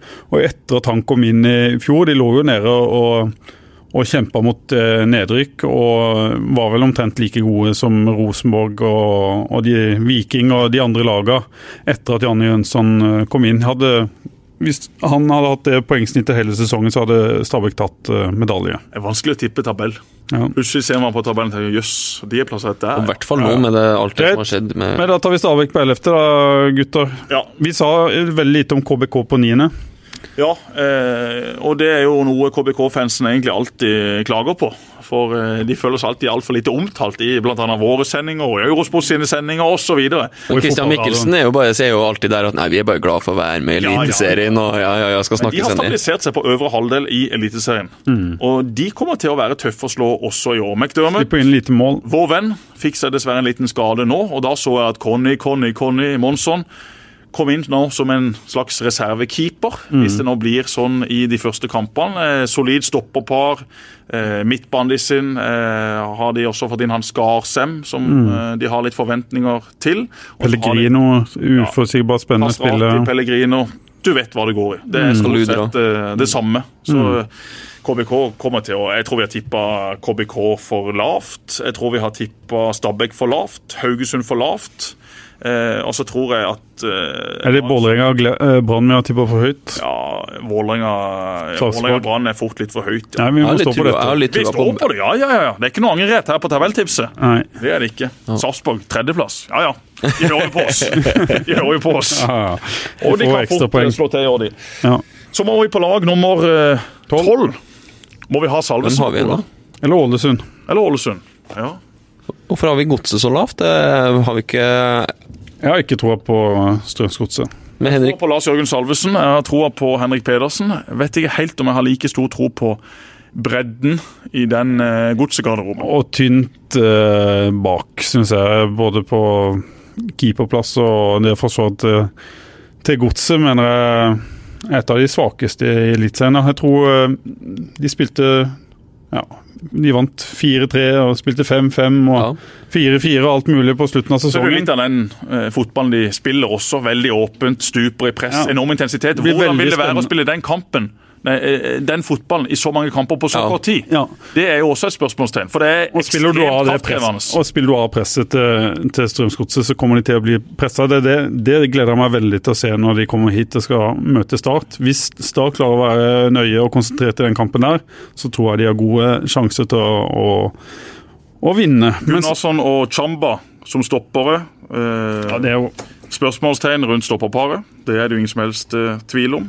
Så har du Maigård, som uh, de henta fra Raufoss. Uh, kanskje er det Eliteseriens beste uh, frisparkfot. En enorm trøkk i, i den foten. Nesten som Adrian Justinussen oppe på Færøyene. Nesten. Så har vi da Salvesen på topp, som får med seg Mava ved siden av seg. Der vil jo også Tokstad kunne spille. Så gods det det, er jo- det er jo mye av det samme som i de, fjor. de kan eh, ta medalje, de kan rykke ned. Sånn ser jeg Ja. eh, Strømsgodset. De tar ikke medalje. De har jo ikke en veldig stor bredde i stallen, i hvert fall. Det er De jo de ganske tydelig. Så uh, Lars Jørgen Salvesen, vi er glad i det. Vi er ikke like glad i hestehallen din, men all over så er du en god gutt. Men du blir plassert på tolvteplass med ditt godset. Eller vil vi ha Ålesund foran? Nei, Vi kan ha Strømsgodset som nummer tolv. er vi må det. Vi må det. Det hadde vært trist om uh, Salvesen kom ned her og, og senka Start. Det skjer jo selvfølgelig. Ja. Han kommer ned nå og banker inn to-tre kasser. Klart det. Vent og se. En mann som var uønska i Kristiansand for, for to år siden. Ja, der kunne man hatt spissen sin Ja. i en årrekke. Han hadde vært uh, god å ha, for å si Ja. det mildt. For Han, har jo, han sleit jo veldig feilvendt når han spilte i Start for to-tre år siden. Uh, sleit med å holde på ballen, sleit med å, å ja, oppfylle de kravene til å spille alene. Hadde Salvesen vært her, så hadde vi ikke fått Ramsland på Åråsen i fjor. Så det ble greit uansett. Ja, det gjorde det. ble greit har utvikla de delene av spillet veldig, eh, Salvesen, syns jeg. Ja, absolutt. Men skal vi ha start snart, eller? Ja, vi skal ha Start snart, men vi skal ha eh, Ålesund før Ja. vi skal ha Start. Vi ser Ja. ikke noe håp for at Start skal klare Jo. Jo da. Ja, men uh, på vårt tips. Nei. Nei. OK! Her er det no mercy. Selv om eh, Start er i alle fall mitt lag. Og så skal jo dere selvfølgelig alltid være nøytrale, da, men, men vi alle er jo glad i Start på et eller annet vis. Men det er såpass med spørsmålstegn rundt Start, og Ålesund var så suverene i fjor at uh, de fortjener å bli tippa foran eh, både Start og Sandefjord, som da også er nyopprykka. Flere har nok tippa Ålesund høyere på tabellen ja. enn nummer 13. Mm. Ja. ja. jeg tror Ålesund kan uh, komme mye høyere enn 13, for å si det sånn. Ja. Og det blir jo uh, klink kaos. Jeg tror Ålesund kan rykke ned. Det blir jevnt. Du tror Ålesund kan rykke ned, ja. Hvorfor tror du det? Fordi de er et ganske solid lag. Jeg tror ikke de rykker ned. Jeg tror de har nok soliditet til å, å holde seg. Men for meg er den stallen en, en stall med Obos, eh, OK Obos-ligaspillere. De har Castro, som så ut som en eliteseriespiller i fjor som var ekstremt viktig for dem, men bortsett fra det Han så ut som en Premier League-spiller til tider. Han gjorde jo akkurat sånn. Gretarsson er jo en stopper i eliteserieklasse, spør du meg. Men. Det er jeg ikke sikker på, altså. Han må være skadefri, i alle fall. Ja. Skal de klare å eh, forsvare seg godt nok, så er Gretarsson eh, nøkkelspilleren. Og så Nei, men... har de henta Haugen. Ja. Som var en tur i Belgia. Som har kommet hjem igjen til Norge nå. Som eh, vil være en bra spiss i Eliteserien. De har også store Frid Jonsson. Mm. Hvor skal da Castro spille? Blir han trukket ned på en kant indre løper? Det er litt samme kategori spillere som, som Start har, mener jeg da. Eh, og som òg er Starts eh, ja. ankepunktet mot Start. Det er spillere som har levert godt på Obos-liganivå, og som ikke har erfaringer eller prestert godt i Eliteserien. Og det er så stor forskjell på de divisjonene der. Men Castro tror jeg garantert kommer til å Eh, tror jeg garantert. Ja. Castro kommer garantert til å levere i Eliteserien. Han er en spennende og, og god eh, Much har de også eh, ja. store forventninger til. Men nå så han var skada igjen. Mm. Eh, hvor mange kamper kommer han til å spille? Hvor god form kommer han til å være i? Mm. Hvor lenge kommer han til å være i Ålesund? Ikke vet jeg. Men det er en del spørsmålstegn rundt Ålesund-mannskapet også. Og Castro med sin kreativitet hvis du tar bort han, hvis han mister ti kamper, mm. da begynner det Ålesund-mannskapet å, å, se ganske mye gråere ut. For Castro har noe som få andre i Eliteserien har på sitt beste. Så har de vel fortsatt denne uh, spennende spilleren. Greye har de ikke han ennå, eller forsvant han? Nei, han, er han er vekk, ja. Det, Men de har han Simen Bolkan Nordli fra, som de har henta fra HamKam. Ja. Han er utrolig spennende. Han er, Men det er òg en, ja. en, spiller som kunne ha prestert i, i Obos-ligaen nå, for han uh, Absolutt. Alejandro Castro han følger på Instagram, og han holder på med mye rart nede på Costa Rica. Jeg, ja. jeg ser han jobbe som TV-ekspert. Og så ser jeg jeg lurer på om han selger noen sånne munnbind med diverse Smart, det, ting foran. Ja, Ja, ja. Blitt forretningsmann. Skulle slå sammen med han eh, Jesper, da. Ja, som er interessert Hvis jeg skulle valgt en costaricaner som har vært i Start og gjør forretninger med, så hadde jeg valgt Fernando Paniagua. Han, eh, han så ut som en businessmann. Ja. Castro han var en gentleman og Paniagua. Strålende mann. Ja. Både Castro, Paniagua Bolaños Acosta.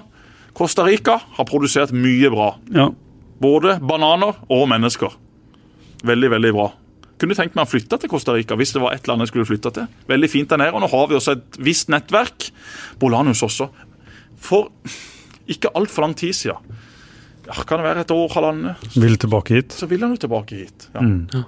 Og, og, og Start kunne møtt de kravene. Men det var ikke alle i Start som så like lyst på å hente Bolanios tilbake. Kanskje var han over toppen, og det kan jo for så vidt også være, men det hadde vært nostalgisk og moro hvis han hadde kommet tilbake til Kristiansand. Han elska jo å være i Kristiansand. Familien trivdes også veldig godt. At han kunne hatt et år eller to her. Tronstad kunne henta tilbake. Rasmussen kunne kanskje henta tilbake på et tidligere tidspunkt. Williamson kunne henta. Tronstad kunne de henta. Tenk hvis de hadde tatt de istedenfor Du sa Tronstad to ganger, har de flere muligheter til å hente? Eh, han broren. Marius. Ja, ja, ja, ja, han som jobber i Markens. Ja, ja. Faktisk, en, faktisk en meget god spiller. Marius Tronstad. Ja, ja. Har jo vært eh, nøkkelspiller for Don. Løpssterk, flink til å bare forsere spillere egentlig uten å drible og uten å være særlig rask. Bare som en slange kommer seg forbi bekken og slår faktisk ganske gode innlegg. Mye mer målfarlig enn sin bror Sondre. Slatko kunne henta. Tenk hvis jeg nå hadde hatt Tronstad, Slatko der, Salvesen på topp, Olanios på den andre kanten. Da hadde vi ikke tippa de på 14.-plass. For det er der vi kommer til å plassere de. Det har dere ja. gjort i deres ja. tabelltips. Og der plasserer vi også Start i dette fotballradioen-tipset. Mm. Jeg føler det er veldig mange som har de, har de der. Liksom. Det er mange som har de nede, og det er en ja. del som har de på kvalikplass. Men det er, vel, det er, vel, få grunner rett og slett til å tippe de veldig mye høyere. Ja, akkurat nå så er det jo egentlig det. Ja. Det er og det svakeste laget som rykka opp i fjor. Har mista, som du sa, Sigurdasson og Lowe. Det er de harde fakta om dette Det det. laget. Ja, det er det. De er svekka fra i fjor. Og I fjor var Start tredje beste laget i Obos-ligaen. De rykka opp fordi at Martin Ramsland klikka fullstendig i 15 minutter på Åråsen. Resten av laget var sørgelig i den kampen minutter. på Åråsen. Ja. Eh, og, og så forsvarte de seg sånn sett bra etter at de hadde fått det, det tredje målet, for all del. Men Start i fjor viste en del svakhetstegn. De har noen unggutter som garantert kommer til å ta steg, men det har sikkert mange andre lag også. Det er ikke noe sånn at Start har veldig mange flere spennende unggutter enn en, del av disse andre lagene. Men så skal det sies at fra Joey tok over, og de, det eh, var en tilpasningsperiode der hvor de, hvor de sleit og gikk på noen stygge smeller. Men fra ja, juli-august og ut så var de på høyde med, med Sandefjord og Ålesund. De hadde en svak kamp i Ålesund, men bortsett fra det, hvis du ser på statistikk og innsluppet mål, skåra mål, poengsnitt og de tinga der, så, så var de på det nivået de skulle vært på hele sesongen, og som hadde gjort at de hadde rykka opp i stedet for eh, Sandefjord. Ja, men, De- det, men det som gjør oss mest skeptiske, er vel bl.a. at Demin Lov har reist Steffen for, for midtforsvaret. Hvem skal være den nye sjefen? Hvem skal løpe opp de pasningene som, som kommer til å komme inn bak Starts forsvar? Nei, Det blir jo mye ansvar på Jesper Daland, som, som ikke har en eneste kamp i landets to øverste divisjoner. Vi må ikke glemme at Jesper Daland er veldig rask. Eh, sikkert blant Starts raskeste på, på 40 meter, men det er selvfølgelig et stort spørsmålstegn på mitt uh, stoppeparet der. Og så syns jeg det også er et stort spørsmålstegn offensivt. Det så vi mot Sarpsborg. Det blir utrolig lett spist opp når de møter gode Jeg sa det før kampen mot Sarpsborg, at eh, og jo mer jeg tenker på det, så skjønner jeg ikke helt eh, denne Skålevik-signeringa. Når Start eh, de skal spille med én du hvem som agenten hans? Ja, det vet jeg. Og den diskusjonen har vi, har vi tatt før, og jeg håper ikke det har, uh, har innvirka her. Men Start skal spille med én spiss i Eliteserien. Og Skålevik er kanskje en liten oppgradering av Mathias Bringaker, men de to er jo veldig like som uh, spillertyper. Ingen av de er gode feilvendt, ingen av de er spesielt gode i lufta. og Jeg mener det er de to egenskapene kanskje som er det viktigste for, for Start i den sesongen de går inn i, i nå. Ramsland er en annen type. Klarer å binde opp stoppere, klarer å vinne dueller eller få frispark, mens de to andre veldig ofte mister ballen eh, feilvendt. Når du da skal flytte opp laget og bruke spissen din som et oppspillspunkt, så eh, jeg mener jeg ville brukt Christian eh, Lien i den, eh, i den posisjonen der. I hvert fall testa han mye mer enn en det de har gjort. Han er 18 år, han fyller snart eh, 19. Er ikke rask, men han har den tyngden inn i boksen på innlegg. Det er hans klare styrke. Han er bedre feilvendt enn de to andre. Jeg synes det er rart at de, når de først har en spiss som de, de tror på, at de ikke tester han mer. For jeg mener at disse to spissene her er klart best når de spiller sammen med en eh, annen spiss. Det mener Skålvik viste forrige gang han var i Start. Han viste når han var i, i Brann at han kan fungere sammen med en annen spiss, men alene i den rollen der på et, eh, et lag som eh, håper å dominere kamper, men som antageligvis ikke kommer til å, å gjøre det. så så tror jeg det blir eh, de tre i front der fort blir spist opp. Altså. Det er den skaden til Ramsland også som gjør at jeg Jeg ville i hvert fall vært veldig mye mer positiv hvis Ramsland var frisk og hadde med seg den selvtilliten og den betydninga han hadde for laget, både i høsten i fjor og på Åråsen. som vi For Det er jo ikke bare. Åråsen-kampen som, som gjør at vi, vi snakker om Åransland. Han er jo en Han endra på et eller annet i hele gruppa etter at han kom inn i Han tok tak i trenings... Han vil ikke si det sjøl, men veldig mange sier at han hadde en veldig stor innvirkning sammen med Joey med å på en måte endre litt den kulturen som var, Mm. og som har gjort at de har blitt en mer er klisjé, men at det er en mer sånn helhetlig hva skal jeg si, samhold, mer enn at det var Men jeg håper, mye med mer sånn snak, baksnakking og den dårlige kultur, da. jeg håper Skålevik gjør mine ord til, til skamme og klarer å, å løpe innom mål og få, få litt, For han er jo en bra, bra spiss, men jeg er skeptisk. Jeg tror med Skålevik at du får seks-sju mål. Ja. Jeg elsker. Steffen Lie Skålevik som uh, type. Som uh, fotballspiller så, så leverte han jo helt uh, vanvittig bra da Start rykka opp fra Obos-ligaen. Og det er jo det Start-supporterne husker. Da var han jo direkte avgjørende. Og var jo i en egen klasse i mange kamper for at da Start etter hvert eh, spaserte opp i Eliteserien. Men i Eliteserien så har ikke Steffen Lie Skålevik herja. Han har aldri vært en veldig vanskelig spiss å møte. Han er best hvis han kan løpe etter ball og ikke jobbe med ball. Fungerte overhodet ikke i Sarpsborg. De spiller med en spiss. De spiller med en spiss. Eh, har jo også spilt litt med to, men ja, han har aldri egentlig fungert verken i Brann eller i Sarpsborg. I Start så var det bra, men det var på et nivå lavere. Hvor god kommer han til å være? som alenespiss i start, i et startlag som også rett bak han mangler kreativitet. For hvem var den kreative kraften i fjor? Det var Aron Sigurdarsson. Markovic kan være kreativ på sitt beste. Kevin Kabran Ja, vi sitter jo hele tida og venter og tror og håper at det skal skje noe. Jeg, jeg han, Men det blir veldig han- variabelt. Ja, men jeg ville jo hatt han inn som, som spiss. De beste kamp, spiss. kampene han har levert i Eliteserien, mener jeg, som, som uh, spiss. Uh, Og igjen, dette snakker vi også om før Skålevik ble signert. Og da var det akkurat dette med Bringaker. Du har Bringaker i garderoben allerede, som går på en eh, god kontrakt, som eh, ikke kommer til å reise, ser det ut som. Så kommer jo Ramsland tilbake på et eller annet tidspunkt, og så har du Lien, eller jeg da ville brukt Kabran foran Lien som spiss. For igjen, Kabran, god, god feilvendt, en smart spiller, har bra fart. Kunne fint fungert som spiss, og også da som alenespiss i måten Start vil spille på. Og så kunne du heller da dytta inn et alternativ på kanten, hvor Start har litt mer å spille på. Så eh, ja, jeg, jeg syns også det er en litt eh, merkelig signering. Jeg håper for alt i verden at Skålevik lykkes, for han, han, han, eh, han har hatt en del motgang i Sarpsborg. Utrolig fin fyr. Ja, ja, altså.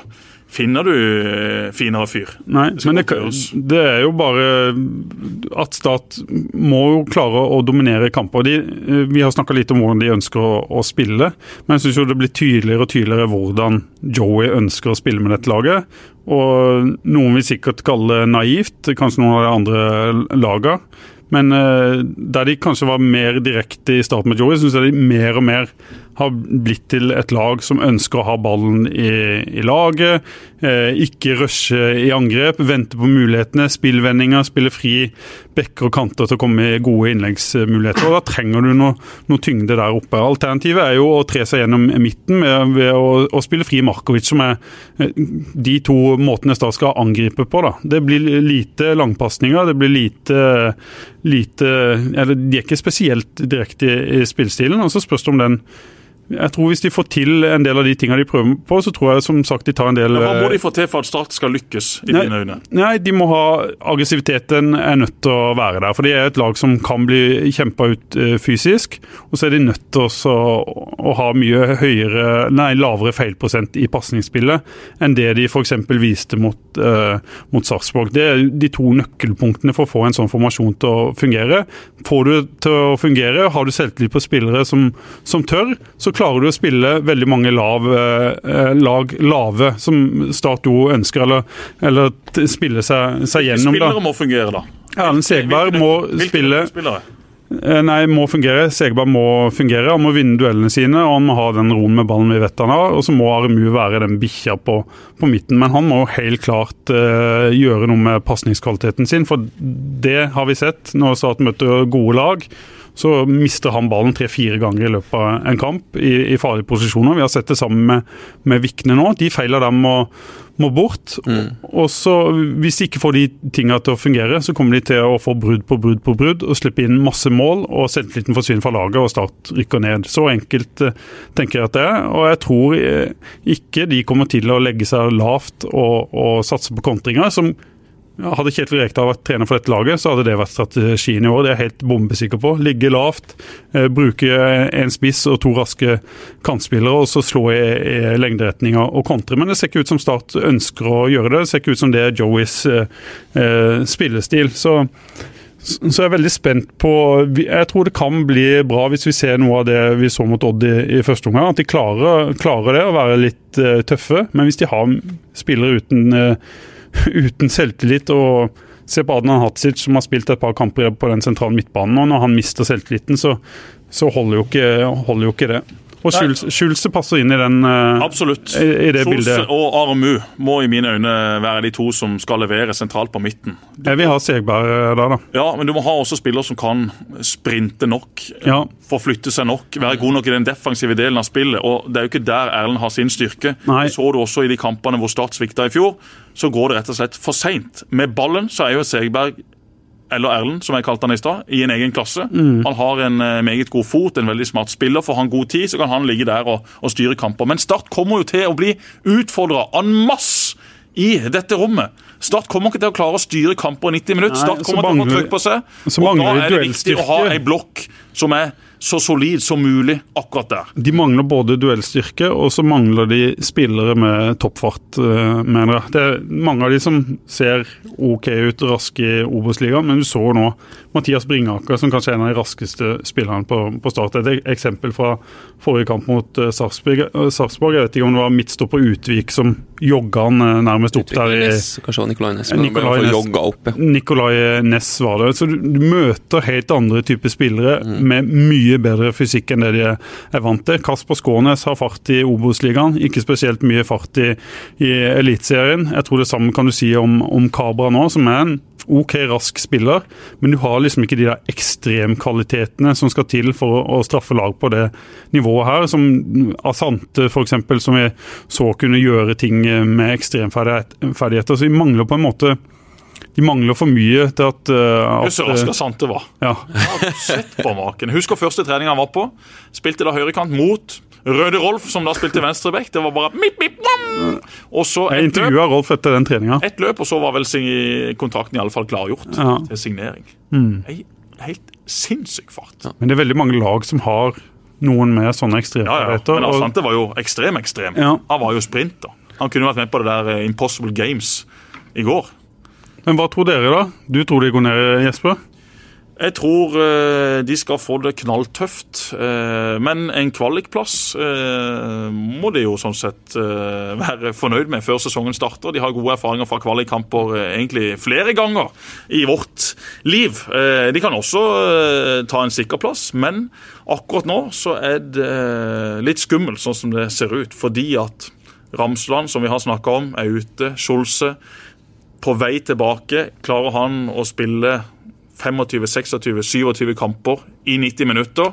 Det gjenstår å se. Mm. Og så er det da hvem skal spille stoppere, og hvordan skal det stopperparet fungere sammen. Mm. Jesper Daland, vi kan ikke legge altfor mye ansvar på hans skuldre heller. De valgte å hente Vegard Bergan fra Bodø-Glimt, som Start har hatt mulighet til å hente sikkert ti ganger, men som de alltid har takka nei til. Så har han spilt eh, i Odd, hvor han aldri ble noe førstevalg. Så har han spilt i Bodø-Glimt, hvor han heller aldri ble noe førstevalg så lenge i alle fall spillerne var friske. Spilte jo en del kamper i fjor, men det var fordi at Bodø-Glimt hadde masse skader på stoppeplass. Så det er spørsmålstegn. Mm. Han, ja, altså et stort spørsmålstegn rundt stopperplassen i, i Start. Jo... Ja, Jesper Dalland ser lovende ut, og jeg har tro på at han kan bli en meget god midtstopper. Men det er jo ikke han heller som skal være den nye Damien Love. Nei, men de har, nei, det er jeg enig, i, men de har Joakim Jørgensen her, som er en veldig god stopper på sitt beste, og som vi har, har, ja, har sett litt rusten ut nå i, i treningskampen. Mm. En sånn type som som kommer til å levere når uh, sesongen starter. Da. Han er ikke noe dominerende spiller, men han er en er type som kan holde det her sammen, og som, kan, som er en eliteseriestopper som ja, har nivået inne. Og, og Daland, hvis du ser på de sine kvaliteter, bør jo eh, kunne fungere disse, sammen i teorien. Absolutt. Ja. Daland har bra fart, begge er gode med ballen. Mm, mm. Eh, og, og, Jørgensen kan sånn sett snakke Daland i posisjon. Mm. Så jeg håper jo at det er det som blir stopperparet til, til Start. Det tror jeg hadde vært eh, til det beste. Og så tenkte jeg før de to siste kampene at backparet var egentlig OK med Tønnesen og, og Vikne, men de to er kanskje de som har skuffa meg mest i de to kampene. Ja, sammen med Tønnesen. Hvor mange kamper har han spilt i Eliteserien? Hvor mange kamper har han spilt i Eliteserien? Ja, men Han har på en måte kvaliteten til å være back da, i Eliteserien. Han har, Absolutt. Han har men, men, det kan godt være at Henrik Ropstad tar den plassen etter hvert. Ja. For eh, Ropstad også i fjor syns jeg imponerte. At han da Særlig kom inn igjen i laget etter at sånn sett Tønnesen var et førstevalg, ble skada. Så kommer Ropstad inn. Utrolig ærgjerrig. Har mm. bra med fysikk, har også ganske bra med rutine. Så øh, den kampen om den venstrebekken, den vil nok leve. Og så har du Vikne på høyreback, som er meget bra på sitt beste, men som også har sine feil. Han også kan bli litt engstelig, likhet med resten av laget, hvis det kommer et tap på to og tre, hvis man har et par dårlige opplevelser. Mm.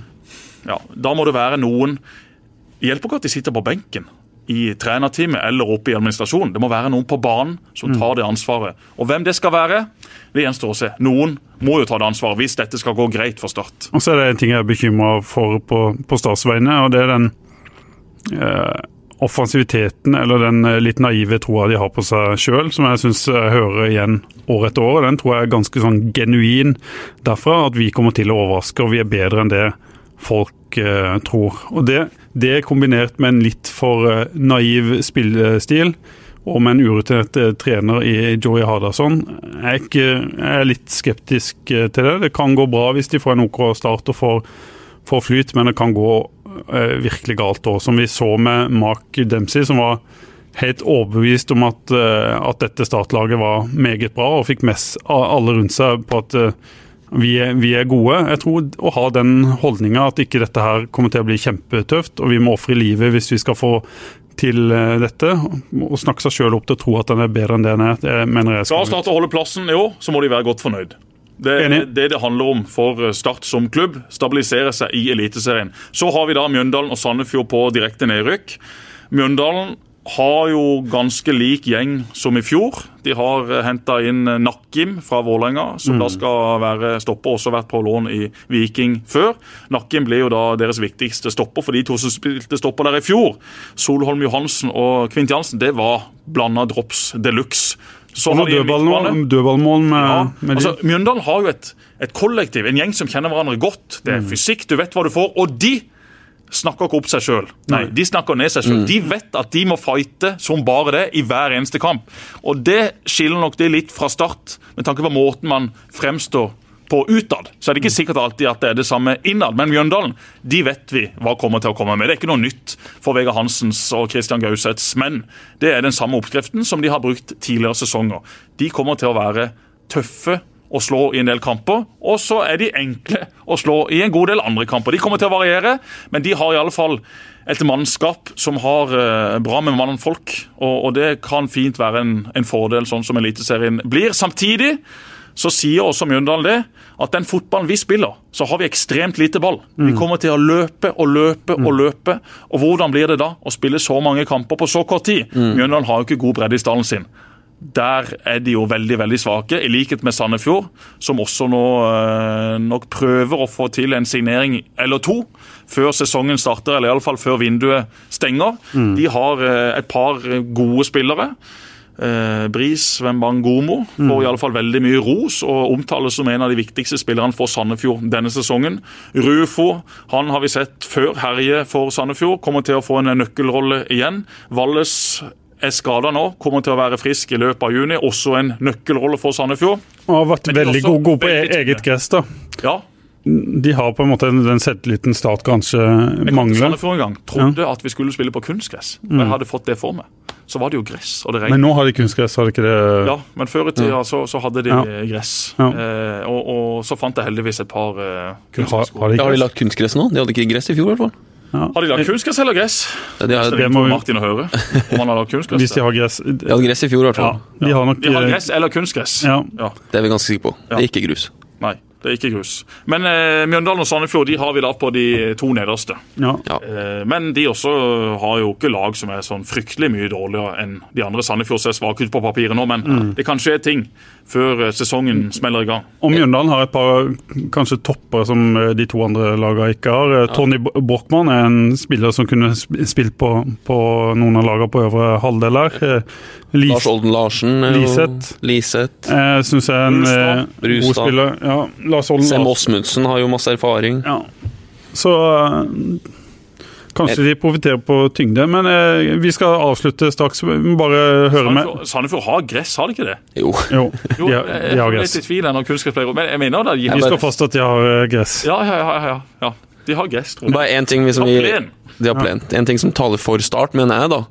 Øh, ja, de har ikke de her toppene, men de har faktisk en ok bredde. Ja. De har at hvis de får skade på, på noen Altså det er noen sentrale spillere de må ha der, som vi snakka om. Armu, Ramsland. uh, Ramsland, uh, Doimeland er jo viktig. Og Joakim Jørgensen òg, tror jeg. Men så lenge de andre blir skada, så har de på en måte de helgode helt gode erstattere. Mm. Så det er jevnt, med, som på en måte er både positivt og negativt. Ja, og så er det jo greit med 15 Nissan Leaf i garasjen, men du vil jo helst ha et par Ferrari også. Ja. det, er Ja, ja. jo, det, er jo, det er jo de vi må ha fram hos Start. Eman Markovic, Start er, Jesper Daland, Mikael Ugland, André Trygvason. De fire tipper jeg kommer til å få ganske mye spiltid, og de må løfte seg. hvis De må dette- levere. Ja. Noen må erstatte Aron Sigurdarsson sine målpoeng Espen bak fra banen. Ja, det hadde vært gøy. Ingenting hadde vært mer gledelig enn om Espen virkelig kom tilbake og leverte i starttrøya. Han har hatt uh, ei eh, lang og tøff tid med, med sin fot, så det hadde vært uh, moro. Så får vi se om det skjer. Ja, Før vi avslutter, nå har vi tabellen. Vi kan ta den kjapt. Molde, Rosenborg, Sarpsborg på tredjeplass der, ja. Eh, Glimt, Vålerenga, Brann, Viking, Haugesund, KBK, Odd, Stabæk, Strømsgodset, Ålesund, Start, Mjøndalen og Sandefjord. Vi kommer jo til å bomme som bare det, som, som vanlig, men det gjør alle andre òg. Men eh, det er jo en X-faktor her, er jo korona, og hva det vil si eh, Eller hvilken påvirkning det gir laga. Det blir ikke tilskuere på tribunen, det er jo en ting. Og så har det vært en veldig lang periode. Noen har sikkert klart å holde det samla. Det har sikkert vært bråk eh, noen steder som kanskje ikke har kommet ut også. Eh, Hva tror du om, om eh, det? Får vi store utslag? Får vi mange flere borteseiere, f.eks., som eh, som vi har sett i Bundesliga? Kanskje ikke så mange flere, men eh, over en sesong så vil nok den prosentandelen være litt høyere. Så lenge det da ikke er folk på tribunen. Det er nok én ting. Eh, Jeg tror det favoriserer de største klubbene med de største stallene. Det sier seg sjøl. Når det skal spilles mange kamper, så skal det rulleres litt, og det kommer skader og suspensjoner. og Da er det en del av Eliteserien som har veldig tynne staller. Mange av disse klubbene sliter også økonomisk, så det er ikke bare bare å gå ut og hente inn nye spillere. Akkurat under eh, koronaepidemiens eh, høydepunkt, eller da det var på det verste, så var det nok mange som var misfornøyde rundt forbi, og det var kaotisk i forskjellige klubber. Mange spillere følte at ikke de var godt nok informert. Mange klubbledere følte at eh, ikke de kunne gi nok informasjon. De ikke hadde oversikt. Gi mer informasjon, for Dette hadde de aldri stått i før, og det, det kom jo som julekvelden på kjerringa. Det var jo umulig å, å sitte der og si at eh, ja, vi må gjøre det på den eller den eller den måten, for ingen visste jo når dette skulle roe seg. Ingen visste jo om det skulle bli eliteseriefotball i 2020. Jeg er jo kjempehappy for at vi kan starte sesongen neste uke. Om- om for tre- to måneder siden så visste vi ikke det. Ja, men Om en måned skal det være slutt. Det kan være slutt. Ja. Ja. Viktig å få en god sesongstart. Veldig viktige kamper i begynnelsen. Ja, Men det er fortsatt mye usikkerhet. Ja. Heldigvis ser det ut til at Norge har sånn tålelig kontroll på dette hersens viruset, og at det skal bli spilt fotball også de neste månedene. Veldig vanskelig å si hvem som har kommet best ut av det. Alle lag har jo trent kjempebra i januar og februar, og alle spillerne har jo da trent kjempebra på egen hånd. Og alle lag nå er i kjempeform. Sånn er det jo alltid. Ja, I start så har i hvert fall alle spillerne tatt store steg. Ja. Det, og tempoet på trening ser mye bedre ut enn det de gjorde for et år siden. Vet du hva? Det gjør det hos alle lag. Sånn er det alltid før en sesong starter. Du må prøve å skape optimisme. Da er dette noen av flosklene som blir dratt fram for å ikke lure både folk innad og utad, men det er bare som du sier. Ja, ja. Og det må du også få lov til å si. Hadde sagt akkurat det samme om jeg var trener, spiller eller leder. Eller alle tre på en gang. Så det, det har jeg forståelse for. Men det er vanskelig å si hvordan dette her viruset kommer til å slå ut. nå er vi i gang. Nå er vi i hvert fall i gang, det er det viktigste. Hæ? I dag er det fredag. Helg. Fint vær. Mandag. Dagen før Eliteserien sparkes i gang. Tirsdag er vi i gang. Og så får vi da onsdag med Dessert. startkamp. Og så er det vel Arsenal City Ja. etter det. Tenk det er så gøy. Det er vel bra nå på, på kvelden her. Det er det òg. Ja, ja. Opp med flere TV-er. Ja, ja, ja. Det det blir, deg. det etter, med vi har, det her har vi fortjent, etter Dette mange måneder. ja. Oi, oi, oi. Og vi ønsker uh, både Sarpsborg og Start masse lykke til. Ja. Vi er tilbake neste uke. Vi får gjøre det. Takk. Ha det.